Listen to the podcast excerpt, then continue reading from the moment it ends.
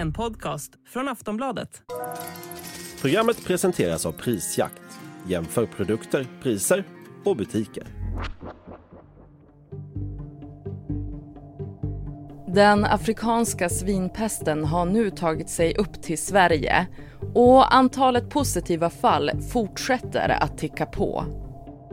Nu ska den afrikanska svinpesten begränsas. Alla vildsvin ska spåras och Fagersta kommun ja, de går upp i stabsläge. Ja, det första konstaterade fallet av sjukdomen hittades förra veckan hos ett vildsvin i Fagersta och sedan dess har det hittats flera döda vildsvin. Från början var den afrikanska svinpesten, som det låter på namnet, begränsad till Afrika söder om Sahara. Och sedan 2007 har den funnits i Europa. Den här smittan ger djuren feber, blödningar, vinglighet, dålig matlust och de dör oftast inom en vecka. Det är en allvarlig virussjukdom som sprider sig mellan vildsvin och grisar. Människor och andra djur kan inte bli drabbade. Än så länge så är det bara vildsvin som har blivit smittade i Sverige. Men det finns en stark oro bland grisbönderna. Det här är ju vårt eh, levebröd, det här är ju vårt liv liksom. Eh, vi lever med grisarna varje dag. För att stoppa spridningen av den afrikanska svinpesten så har det införts restriktioner i delar av Västmanland och Dalarna. Man är så van här med att gå ut i skogen, plocka svamp, plocka bär, ta skogspromenader och helt plötsligt får man inte göra det. Det är liksom det är så stort att det är svårt att ta in och framförallt att det här kan ju vara i månader upp till år egentligen.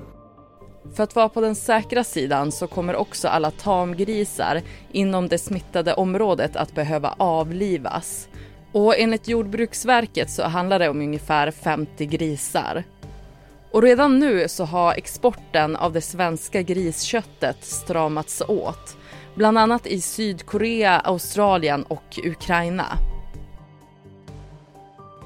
Så hur påverkas den svenska köttindustrin av smittspridningen?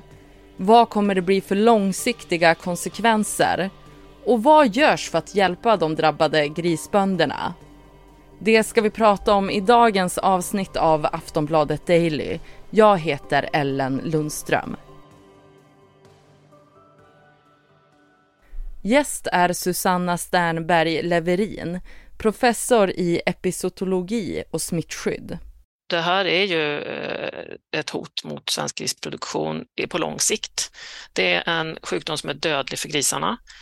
Det finns också väldigt mycket internationella regler kring den här så att man måste avliva grisarna i en smittad besättning och de som inte dör av sig själva och det blir handelsrestriktioner så man kan inte exportera svenska fläskprodukter.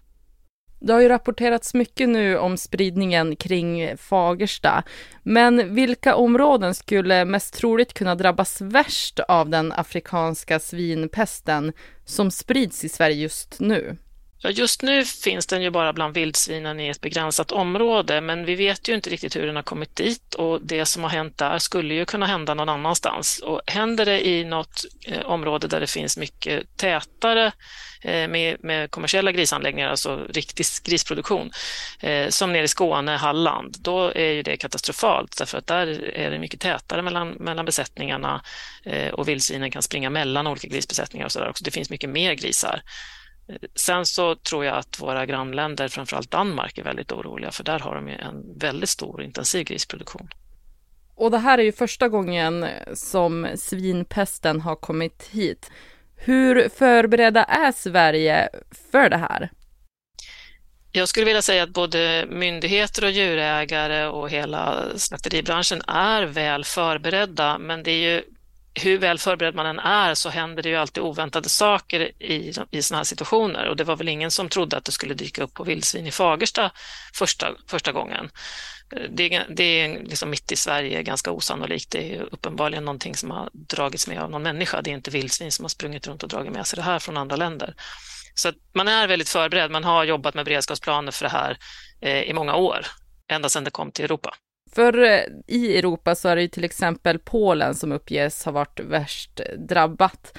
Går det att lära sig något av hur de har hanterat det? Ja, alltså EU, EU-länderna delar ju med sig av sina erfarenheter eh, regelbundet. Veterinärcheferna träffas och experterna på myndigheterna träffas regelbundet och pratar om, om de här sakerna, eh, djursmittor. Det finns särskilda kommittéer för det och där har man ju såklart delat med sig av sina erfarenheter, både det som gick bra och det som gick dåligt. Eh, så att det finns ju redan liksom i beredskapsplanerna. Framförallt så är det mycket det här med hur det har spritts hos vildsvin som vi inte kunde så mycket om innan eftersom det inte har funnits bland europeiska vildsvin förrän det nu på senaste årtiondet. Och vad görs i nuläget för att stoppa den här smittspridningen? Ja, lokalt så, så letar de ju för att, efter, efter döda vildsvin för att kunna på något sätt kartlägga hur utbredd är smittan. Och det är ju också det här stoppet för att ingen annan får springa runt där inne för att man ska inte stressa de vildsvin som finns där, så man vill inte att de ska flytta på sig.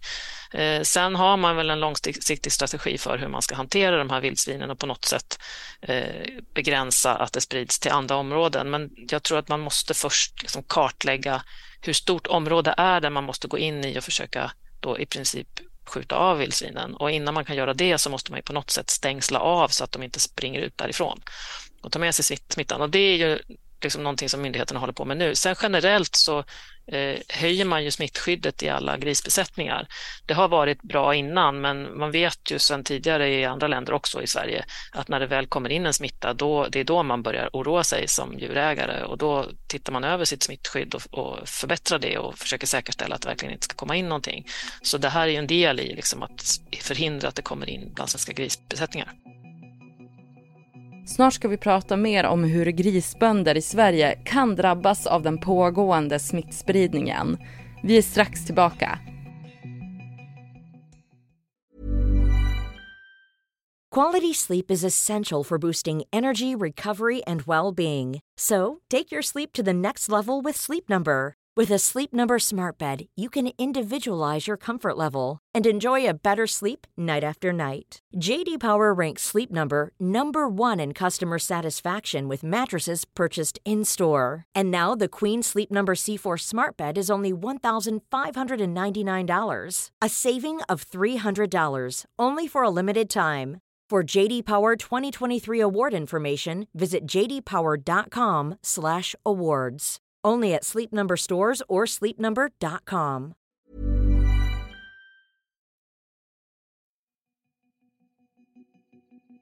Susanna, vad kan den afrikanska svinpesten betyda för den svenska grisnäringen? Ja, om man ska vara krass så kan det betyda slutet för den svenska grisnäringen. De är hårt pressade ekonomiskt och jag vet djurägare som säger att de tänker inte fortsätta om de får in afrikansk svinpest i sin besättning så att eh, den måste avlivas. Då orkar man inte starta om utan då ger man upp och, och, och ägnar sig åt något annat istället.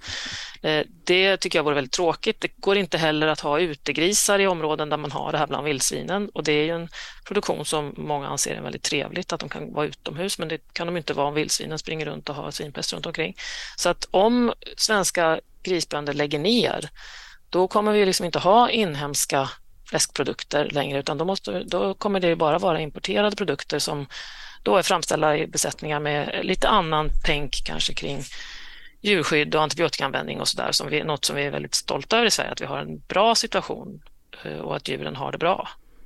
Skulle det här kunna innebära att alla svenska grisar kommer att behöva avlivas? Jag tror inte att alla svenska grisar kommer behöva avlivas för att Jordbruksverket går in och bestämmer det, men det kan ju vara så att alltså alla smittade besättningar kommer grisarna behöva avlivas och då kan det vara så att djurägarna inte vill skaffa nya grisar. Och det kan ju också vara så att de väljer att slakta ut sin besättning innan den blir smittad för att de är oroliga och känner att de inte klarar av en sån situation. Och om vi skulle slå riktigt hårt mot grisnäringen, när skulle marknaden i så fall kunna öppna upp igen? Ja, alltså det finns ju regelverk för liksom de här zonerna och så där man lägger restriktioner, för det är ju egentligen inte så att hela landet beläggs med restriktioner om inte hela landet är drabbat, utan det finns ju regelverk för det här, internationella handelsregler och inom EU, eh, hur stora zoner man lägger då runt smittade anläggningar eller där det finns smittade vilda djur. Och då finns det restriktioner för att föra ut produkter därifrån. Och, och det, det, ska ligga kvar då till eh, upp till en månad efter att man har hittat det sista fallet. Så det, det rör sig ju om månader om man bara får bukt med det, men så länge man har smittan cirkulerande och inte riktigt har koll på den. Eh, nu är det ju inte så i det här läget, men om det skulle bli riktigt illa och den skulle liksom bli ett väldigt stort område, eh, då kommer man ju inte kunna exportera från det området förrän man har, har gjort något åt det och det kan ju dröja väldigt länge.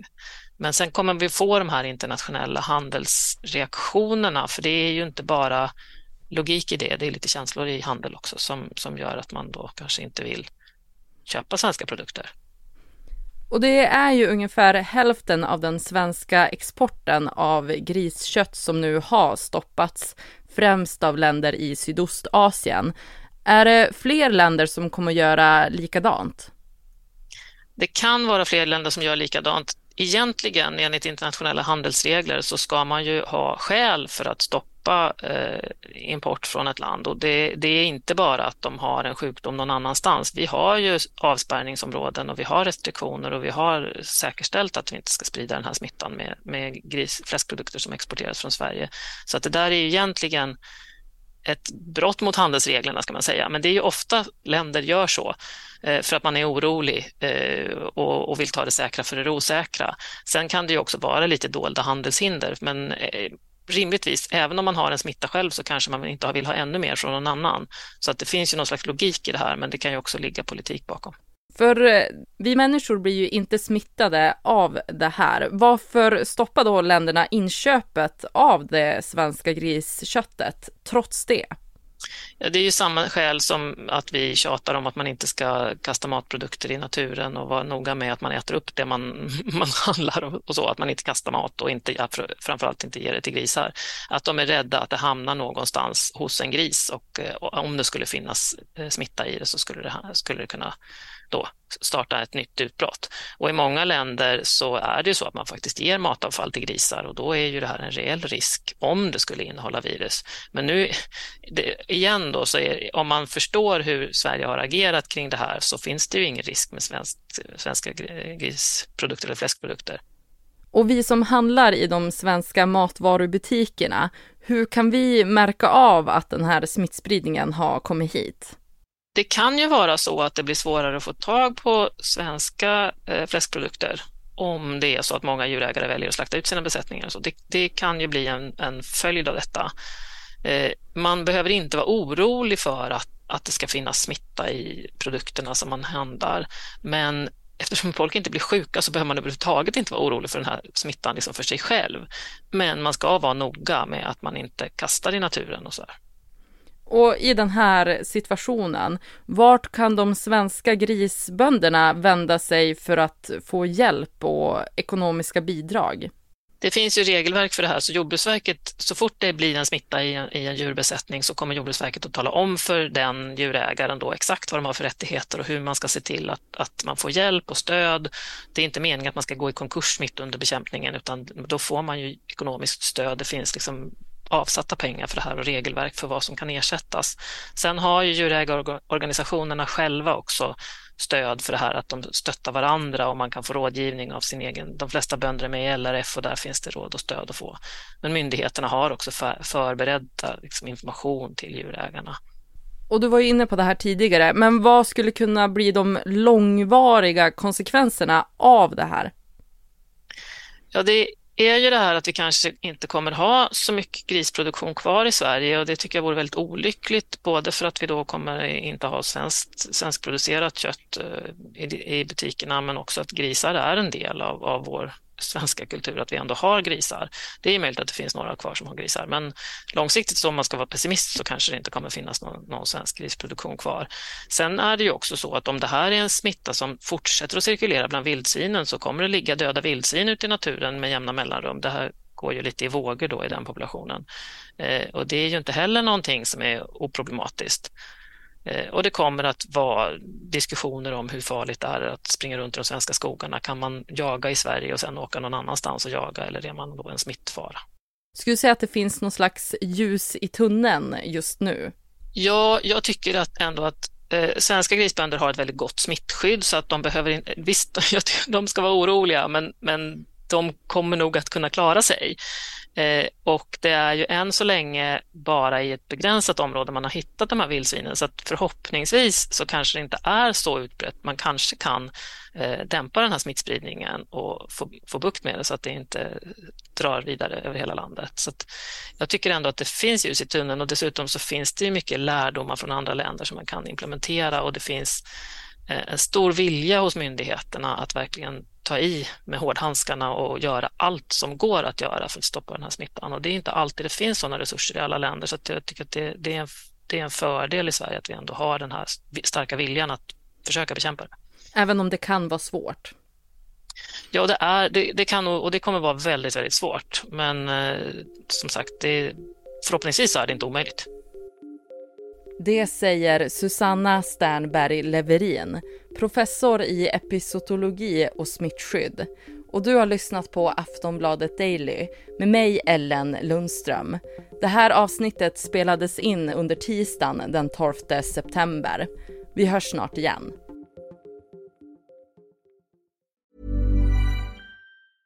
Ryan Reynolds här från Mint Mobile. Med priset på nästan allt som går upp under inflationen, trodde vi att vi skulle bring våra priser down. So to help us, we brought in a reverse auctioneer, which is apparently a thing. Mint Mobile unlimited premium wireless. Ready to get 30, 30, bit to get 30, bit to get 20, 20, 20, bit to get 20, 20, bit to get 15, 15, 15, 15 just 15 bucks a month. So, Give it a try at mintmobile.com/switch. slash $45 up front for 3 months plus taxes and fees. Promo rate for new customers for limited time. Unlimited more than 40 gigabytes per month slows. Full terms at mintmobile.com. Du har lyssnat på en podcast från Aftonbladet. Ansvarig utgivare är Lena K Samuelsson. Tired of ads barging into your favorite news podcasts? Good news. Ad-free listening is available on Amazon Music. For all the music plus top podcasts included with your Prime membership. Stay up to date on everything newsworthy by downloading the Amazon Music app for free or go to amazon.com slash news ad free. That's amazon.com slash news ad free to catch up on the latest episodes without the ads.